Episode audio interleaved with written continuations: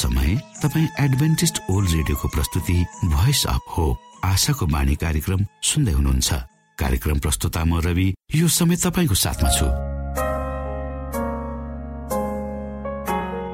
मानिस जातिमा देखाइएको परमेश्वरको प्रेम र अनुग्रह तपाईँसँग बाँड्ने उद्देश्यले प्रस्तुत कार्यक्रम तपाईँको आफ्नो प्रिय कार्यक्रम आशाको बाणीमा यहाँलाई हामी न्यानो स्वागत गर्दछौ। आशाको बाणीको आजको प्रस्तुतिबाट पनि तपाईँले परमेश्वरसँग नजिक रहेको अनुभूति गर्नुहुनेछ भनेर हामी आशा राख्दछौ। आउनु श्रोता यो मधुर भजनसँगै हामी हाम्रो मुख्य कार्यक्रमतर्फ लागौ।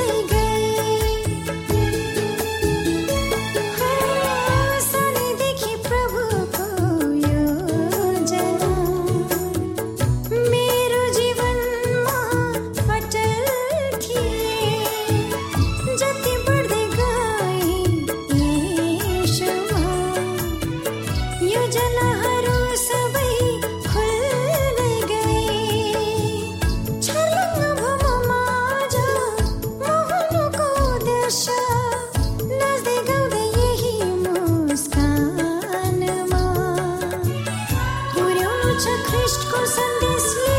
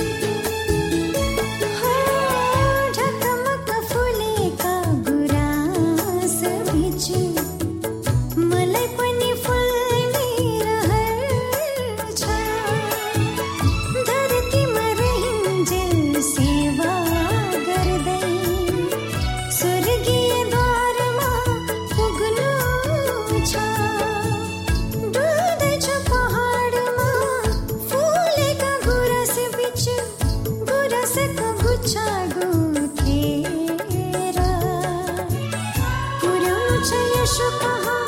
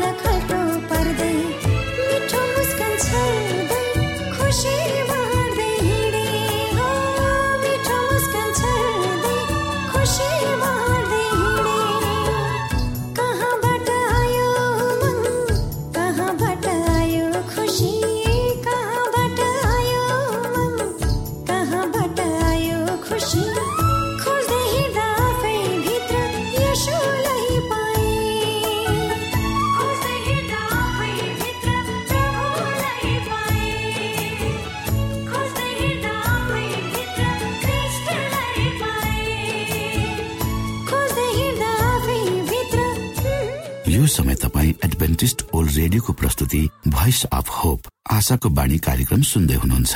श्रोता मित्र यो समय हामी पास्टर उमेश पोखरेलबाट आजको बाइबल सन्देश सुन्नेछौ। श्रोत साथी न्यानो अभिवादन साथ म तपाईँको आफ्नै आफन्त पास्टर उमेश पोखरेल परमेश्वरको वचन लिएर यो रेडियो कार्यक्रम मार्फत पुनः तपाईँहरूको बिचमा उपस्थित भएको श्रोता मलाई आशा छ तपाईँका दैनिकीहरू ठिकठाकसँग परमेश्वरको अगुवाईमा चल्दैछन्। परमेश्वर को हुनुहुन्छ भनेर तपाईँले आफ्नै जीवनद्वारा अनुभव गर्दै हुनुहुन्छ। श्रोता आउनुहोस् आजको प्रस्तुतिलाई पस्कनुभन्दा पहिले म परमेश्वरमा अगुवाईको लागि बिन्ती राख्नेछु। जीवी जिउँदो महान दयालु परमेश्वर प्रभु यो रेडियो कार्यक्रमलाई म तपाईँको चरणमा राख्दछु। यसलाई तपाईँको राज्य र महिमाको प्रचारको खातिर तपाईँले प्रयोग गर्नुहोस् ताकि धेरै मानिसहरू जो अन्धकारमा हुनुहुन्छ। उहाँहरूले यो कार्यक्रम मार्फत तपाईँलाई चिन्न सक्नुहोस् र तपाईँको ज्योतिमा डोहोरिनुहोस्। सबै बिन्ती प्रभु यीशुको नाममा। आमेन।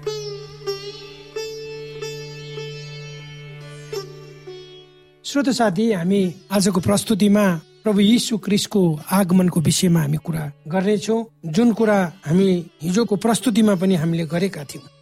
पवित्र धर्मशास्त्र बाइबलको मत्ती चौबिसको सत्ताइसले भन्छ किनकि पूर्वबाट चट्याङ पर्दा पश्चिममा पनि देख्न सकिन्छ मानिसको पुत्र आउँदा पनि त्यस्तै हुनेछ। अर्थात् चट्याङले लामो दूरीसम्म बिजुलीको चमक दिन्छ हामी सबैलाई थाहा छ। त्यसैले यसुको आगमन कुनै गोप्य वा व्यक्तिगत घटना हुने छैन। तपाईँ मसँग सहमत हुनुहुन्छ होला। जब प्रभु यीशु आउनुहुनेछ तब सबै दुष्टता र दुःख कष्टलाई उहाँले नाश गर्नुहुनेछ।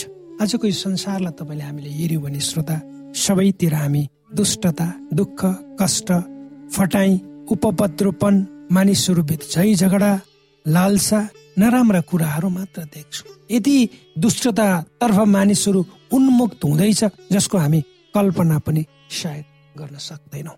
मानिसको कारणले आजको संसार तहस नहस भइरहेको छ। मानिस एउटा चेतनशील प्राणी हो। मानवभित्र मानवीयता हराउँछ तब मानिस मानिस रहँदैन। र प्रभु यीशु क्रिस्ट जब आउनुहुनेछ सबै दुष्टताहरू र कष्टहरू चाहिँ उहाँले नाश गर्नुहुनेछ भनेर भनिएको छ। धेरै मानिसहरूले आज प्रभु यीशु क्रिस्टको कृपा प्रस्तावलाई अर्थात् प्रभु यीशुले भनिरहनु भएको छ मानिसहरूलाई पापबाट फर्क र पापको दलदले हिलोमा मानिसहरू नरमाऊ यसले मानिसलाई अन्त्यमा मृत्युमा पुर्याउँछ।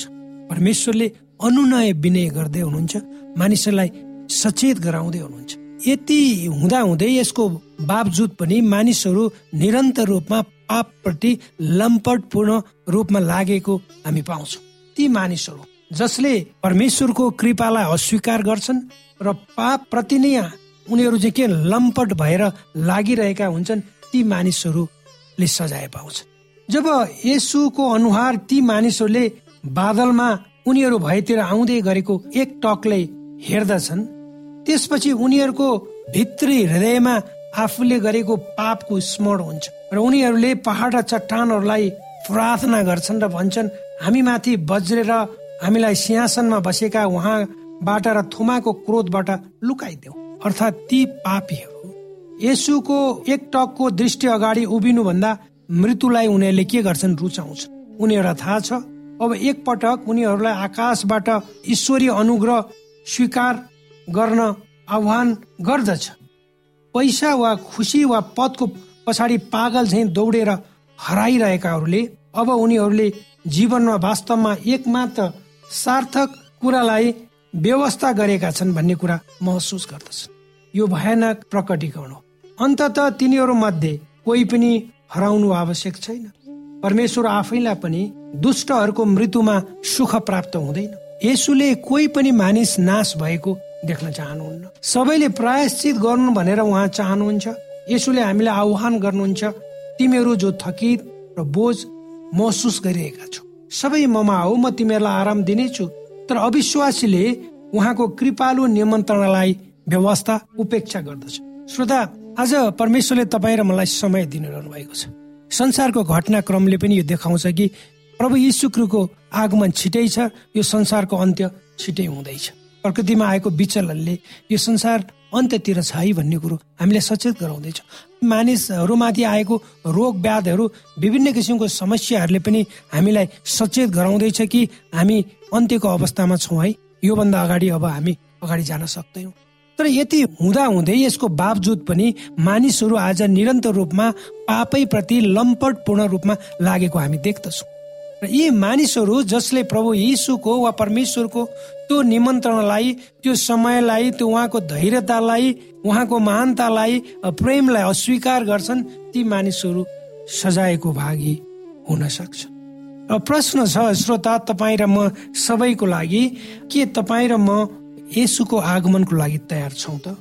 यहाँ लेखिएको छ पवित्र धर्मशास्त्र हिब्रूको नौको अठाइसमा धेरै मानिसका पापहरू पखाल्नको लागि एकपटक क्रिसको बलि चढाएको थियो र उहाँ पाप सहनको लागि होइन तर उहाँको प्रतीक्षा गर्नेहरूलाई मुक्ति दिलाउन उहाँ दोस्रो पटक देखा पर्नुहुनेछ। अर्थात् तपाईँका पाप पखाल्नको लागि क्रुसमा मर्नुभएका मुक्तिदाता दोस्रो पटक देखा पर्नुहुनेछ र उहाँले उहाँको प्रतीक्षा गर्नेहरूलाई मुक्ति दिलाउनु क्रिसले हामी प्रत्येकलाई मुक्ति दिलाउनको लागि आफ्नो बलि दिनुभयो र दोस्रो पटक नआएसम्म क्रुस असफल हुनेछ। क्रिसले हामीलाई उहाँसँग अनन्त कालको लागि सुरक्षित घर प्रदान गर्न चाहनुहुन्छ। त्यसो हुनको लागि हामी आफैले उहाँलाई मुक्तिदाता र प्रभुको रूपमा आफ्नो हृदयमा शासन गर्न दिनुपर्छ। सन् उन्नाइस सय पैतालिस अगस्त सोह्रको बिहानी एउटा सानो केटो उत्तरी चीनको सान्डुक भन्ने ठाउँतिर आकाशमा एउटा विमान देखेर चिच्याउँदै सबै बन्दीहरू त्यो कम्पाउन्ड बाहिर कुदेर माथितिर हेर्दछ। यी पुरुष र महिलाहरूलाई दुश्मन राष्ट्रहरूको नागरिकको रूपमा जापानीहरूले कैद गरेकोले वर्षौसम्म एकान्तपन अशान्ति व्यग्रता मा यिनीहरू बाँचिरहेका हुन्थे। धेरैको लागि एउटा मात्र चिजले उनीहरूलाई आध्यात्मिक रूपमा जीवित राखेको थियो। कुनै दिन युद्ध समाप्त हुनेछ र उनीहरू स्वतन्त्र हुनेछन्। उनीहरूले त्यो विमान उनीहरूको लागि आइरहेको हुन सक्ने थाहा पाए पन्ध्र सय जना बन्दीहरूको त्यो भिडमा एउटा बिजुलीको जस्तो झड्का फैलियो। विमानको भुन भुन आवाज ठुलो हुँदै जाँदा कसैले चिच्याएर भने हेर त्यसको छेउमा अमेरिकी झन्डा रङ्गाइएको छ। अनि त्यसपछि अविश्वासको आवाजहरू चिच्चाउँदै भने हेर तिनीहरूले हामीलाई हात हल्लाउँदैछन्। तिनीहरूलाई हामी को भन्ने थाहा छ? तिनीहरू हामीलाई लिन आउँदैछन्। यस बिन्दुमा त्यो उत्साह यी टुटेका थाकेका घरको सम्झनामा पीडित हुनेहरूले सहन सक्ने भन्दा बढी थियो अनियन्त्रित रूपमा हुलदङ्गा भयो। मानिसहरू गोलाकारमा फोक्सो फुल्ने गरी चिच्याउँदै उनीहरूका हात हल्लाउँदै रोइ कराई गर्दै दौडिरहेका थिए। अचानक भिड अचम्बित भएर चुपचाप एक पटक हेरेकै हेरै भयो। विमानको तलपट्टिको भाग अचानक खोलियो र मानिस प्यारासुटबाट तल हाम फाल्न थाले। उनीहरूका उद्धारकर्ता कुनै दिन होइन उनीहरू अब उनीहरूको बिचमा आइरहेका भान भयो। भिड गेटतिर लाग्यो। कसैले पनि रोकेर टावरबाट तल ताकिएका मेसिन गनहरूको बारेमा विचार गरेनन्। वर्षौंदेखि निराश र एक्लो पनापछि उनीहरूले ढोका फोरेर पारासुट टोलीहरूलाई अवतरण गरिएको ठाउँमा दौडे। मानवताको बाढी चाँडै उल्टियो। सैनिकहरू उनीहरूलाई काँधमा राख्दै शिविरमाथि जाइ लागे शिविरको कमान्डरले युद्ध नगरी आत्मसमर्पण गरे। युद्ध साँच्चै समाप्त भएको थियो स्वतन्त्रता आएको थियो संसार फेरि पूर्ण नयाँ भएको थियो। चाँडै हाम्रो परमेश्वर हाम्रो मुक्तिदाता हाम्रो उद्धार गर्ने बादलहरूबाट झर्नुहुनेछ। मानिसको क्रूरताको लामो भयानक कथा अन्त्य समाप्त हुनेछ।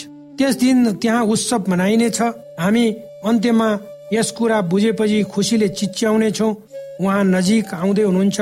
स्वर्गदूतहरूले उनीहरूको तुरै फुकिरहेको देख्न सक्छौ। हामीलाई असह्य नभएसम्म आवाज अझ ठुलो ठुलो हुन्छ महिमाको बादल अझ उज्यालो हुन्छ। तर हामीले यो कुरा अनुभूति नगरेसम्म हामी हेर्नलाई बन्द गर्न सक्दैनौ। उहाँले मलाई देख्नुहुन्छ। उहाँलाई म को हुँ भन्ने थाहा छ। हामीलाई आनन्द सहित थाहा हुनेछ। उहाँ मेरो परमेश्वर हुनुहुन्छ। उहाँ मेरो लागि आउँदै हुनुहुन्छ। कुनै दिन होइन आजै अहिले नै आउँदै हुनुहुन्छ।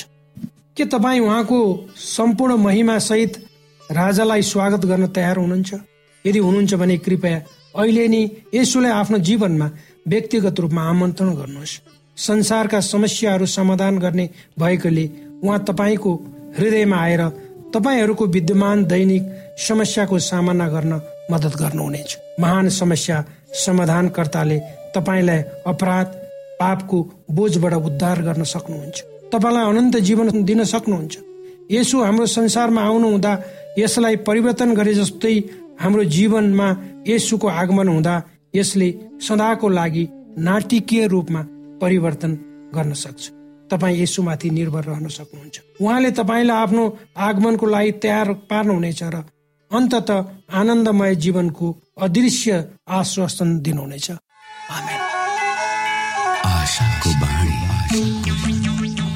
श्रोता भर्खरै यहाँले पास्टर उमेश पोखरेलबाट बाइबल वचन सुन्नुभयो। यो समय तपाईँ एडभेन्टिस्ट ओल्ड रेडियोको प्रस्तुति भोइस अफ होप आशाको बाणी कार्यक्रम सुन्दै हुनुहुन्छ। कार्यक्रम सुनेर बस्नुहुने सबै श्रोतालाई हामी हाम्रो कार्यक्रममा स्वागत गर्न चाहन्छौ। श्रोता मित्र यदि तपाईँ जीवनदेखि हरेस खानु भएको छ तपाईँका जीवनमा धेरै अनुत्तरित प्रश्नहरू छन् भने आउनुहोस् हामी तपाईँलाई परमेश्वरको ज्योतिमा डोहोर्याउन चाहन्छौ। र तपाईँ आफ्नो जीवनका चिन्ता फिक्रीबाट निश्चिन्त हुनुहोस् र बाँच्नुको आनन्द परमेश्वरको सामिप्यमा कति मिठो हुन्छ त्यो चाख्नुहोस् भनी हामी चाहन्छौँ। श्रोता यदि तपाईँ आशाको बाणी कार्यक्रमलाई अनलाइन सुन्न चाहनुहुन्छ वा डाउनलोड गर्न चाहनुहुन्छ भने डट ओआरजीमा जानुहोस्। त्यहाँ तपाईँले प्रत्येक दिनको कार्यक्रम सुन्न र डाउनलोड गर्न सक्नुहुनेछ। हाम्रो वेब पेज यस प्रकार छ डब्लु डब्लु डब्लु डट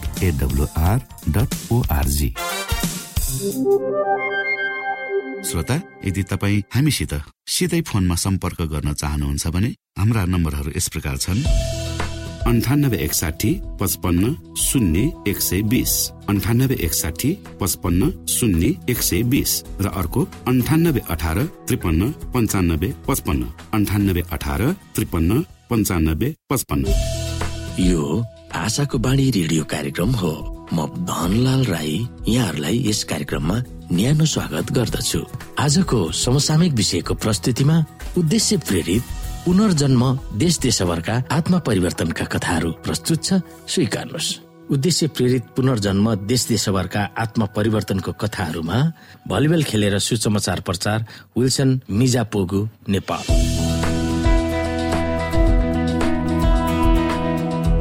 श्रोता मानबहादुर राई र उनका परिवार भारतको सिमानामा जोडिएको प्रदेशको एउटा गाउँमा बस्दछन्। उनको घर वरिपरि छवटा माटाका भाँडाहरू राखिएका थिए। ती भाँडाहरू दुष्ट आत्माहरू रहन् भनेर राखिएका थिए।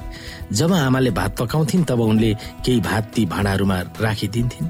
त्यो भात ती दुष्ट आत्माहरूले खान्छन् भनेर उनी विश्वास गर्थिन्। यदि कुनै दिन एउटा भाँडामा खानेकुरा राख्न बिर्सिएमा पुरै परिवारलाई खाएको कुरा अपच वा अरू कुनै नराम्रो रोगले सताउनेछ भनेर उनी डराउँथिन्। गाउँका कोही मानिसहरूमा रोग बिराम लाग्यो भने तिनीहरू मानबहादुरको घरमा झारफुकका लागि आउँथे। तिनीहरूले तन्त्र मन्त्र गरेर दुष्ट आत्मा धपाएर रोग निको पार्न सक्छन् भन्ने गाउँलेहरूमा विश्वास थियो। तिनीहरूले नदेखिएको परमेश्वर यसुको त नाउँ पनि सुन्न चाहेका थिएनन्। तिनीहरू त देखिने काठको फलामको वा ढुङ्गाको देवताहरूलाई मात्र पूजा गर्न मन पराउँथे। एक दिन अठार वर्षको मानबहादुर काम गरेर घर फर्किँदै थियो। एउटा घरमा कन्या केटीबाट बालक जन्मेको कथा कसैले भनिरहेको उसले सुन्यो। यस्तो हुँदैन भने कथा कसले पढिरहेको छ भनेर उसले अचम्म माने। अनि कथा पढिरहेको घरमा पस्यो। त्यहाँ एकजनाले कालो किताब पढिरहेको उसले देख्यो। त्यहाँ घरेलु सङ्गति भइरहेको थियो। त्यसपछि मानबहादुरले त्यो किताब पढ्ने व्यक्तिसँग कस्तो अनौठो कुरा सिकाइरहेको रहेछ भनेर विवाद गर्यो। पाहुना भएर आएका सेभेन द एडभान्टेज पास्टरले मानबहादुरसँग वाद विवाद गरेनन्। बरु मुसुक्क हाँसेर भोलि बेलुका पनि आउन आमन्त्रण गरे। एक हप्ताको बाइबल अध्ययनपछि मानबहादुरले पनि बाइबल पायो। बाइबलमा लेखिएको कुरा आफ्नो धर्मसँग नमिल्ने भएकोले त्यो गलत पुस्तक हो भनेर प्रमाणित गरेर देखाउन मानबहादुरले बाइबल पढ्न थाल्यो तर उसले जति बाइबल पढ्यो त्यति नै उसमा यसु नै जीवित परमेश्वर हुन् भन्ने कुराको विश्वास जाग्यो। अन्तमा उसले आफ्नो हृदय यसुलाई सुम्पियो। जब उसले मैले त यसुलाई विश्वास गरे भनेर बुबालाई सुनायो तब उसका बुबा आमा रिसले चुर भए। तिनीहरूले आफ्नो छोरालाई बेसरी कुटेर घरबाट निकालिदिए। मानबहादुरकी आमा रातभरि रहे भोलिबाट आफ्नो छोरो कहाँ छ उसलाई खोजेर एउटा पाठो दिएर भए पनि बोलाइदिनु भनेर साथीहरूलाई अनुरोध गरिन्। मानबहादुर त्यो पाठो पाएर अत्यन्तै खुसी भयो र प्रार्थना गर्यो। प्रार्थना गरेपछि त्यो पाठो बेचेर भलिबल र जाली किन्न भनी मनभित्र कसैले उसलाई घचघच्यायो। पाँच गाउँको बीच चोरमा उसले भलिबल खेल्न भनी जाली टाँग्यो र त्यहाँ एक्लै पनि खेल्न थाले। अनि केही युवाहरू त्यतातिर आएर तिनीहरू पनि उसँग खेल्न मिल्छ कि भनेर भन्न थाले। हुन्छ आऊ तर तिमीहरू सबैले बाइबलको पद गर्नुपर्छ भन्ने शर्त मानबहादुरले राख्यो। ती जवानहरू खुसी साथ ती बाइबलका पदहरू कण्ठ गर्दै भलिबल खेल्न थाले। जब तिनीहरू खेल्न थाले त्यसपछि गाउँका अरू युवाहरू पनि थपिए र बाइबलको पद कण्ठ गर्दै भलिबल खेल्दै गर्न थाले। जब एउटा खेल सकियो तब अर्को खेल पनि सुरु गर्न मानबहादुरसँग ती युवाहरूले अनुरोध गरे। हुन्छ तर तिमीहरूले परमेश्वरको बारेमा गीत पनि सिक्नुपर्छ भनेर मानबहादुरले भन्यो। यसरी केही समयपछि नै ती युवाहरूले बाइबलका धेरै अंशहरू कण्ठ गरे र भजनहरू पनि गाउन थाले। जब मैले बाइबल सिकाउने कक्षा सञ्चालन गर्छु भनेर सुनाए तब पहिलो दिनमै उसले आफ्नो कथा मलाई भन्यो। त्यस बेला उसले मसँग उसँग रहेका तीनजना युवाहरूलाई पनि मसँग चिनायो। ती भाइहरूले भलिबल खेलेरै सुसमाचार सुनेका थिए। तिनीहरूले यसुलाई ग्रहण गरेका छन् र तिनीहरू पनि बाइबल सिकाउने कार्यकर्ता हुन चाहन्छन्। उसले भन्यो जब घरबाट निकालिएको मानबहादुर मुहारमा हसिलो लिएर बसिरहेको छ। धार्मिक ग्रन्थमा निपुण त छैन तर परमेश्वरको सदा रहिरहने राज्यमा रहन नयाँ नयाँ परिवारहरू बनाउन आफ्नो गाउँमा ऊ सक्रिय छ।